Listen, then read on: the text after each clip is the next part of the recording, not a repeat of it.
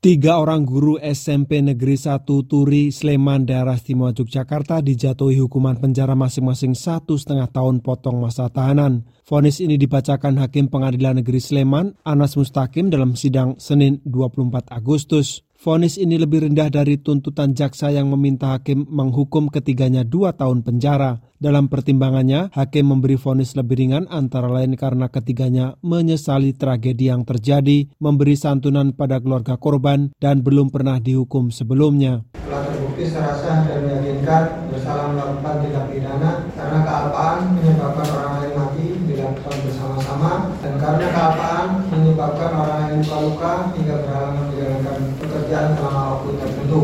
Dua, menjatuhkan pidana oleh karena itu terhadap terdakwa tersebut dengan pidana penjara selama satu tahun dan enam bulan.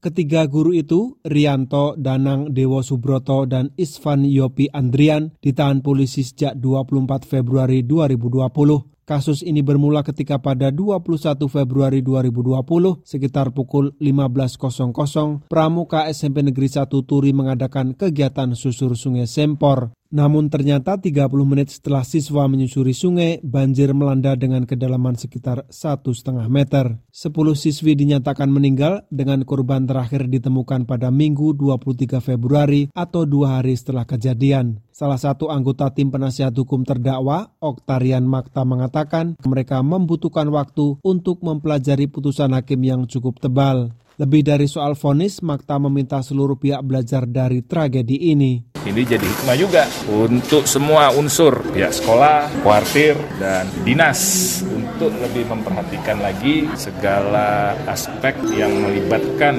kegiatan para guru dan pembina pramuka. Dan kami mengharapkan ada evaluasi baiklah semua uh, kegiatan ekstrakurikuler yang bersifat outdoor dalam sidang selama lebih dari dua bulan terakhir banyak fakta terungkap yang menjadi catatan hakim. Salah satunya adalah karena kegiatan ini digelar tanpa surat tertulis berisi persetujuan orang tua yang sebenarnya dibutuhkan mengingat resikonya. Hakim juga menilai pembina tidak menyediakan alat keamanan yang layak seperti pelampung, padahal telah ada petunjuk teknis dari Kuartir Nasional Pramuka mengenai standar keamanan untuk kegiatan semacam itu. Dari Yogyakarta, Nur Hadi melaporkan untuk VOA Washington.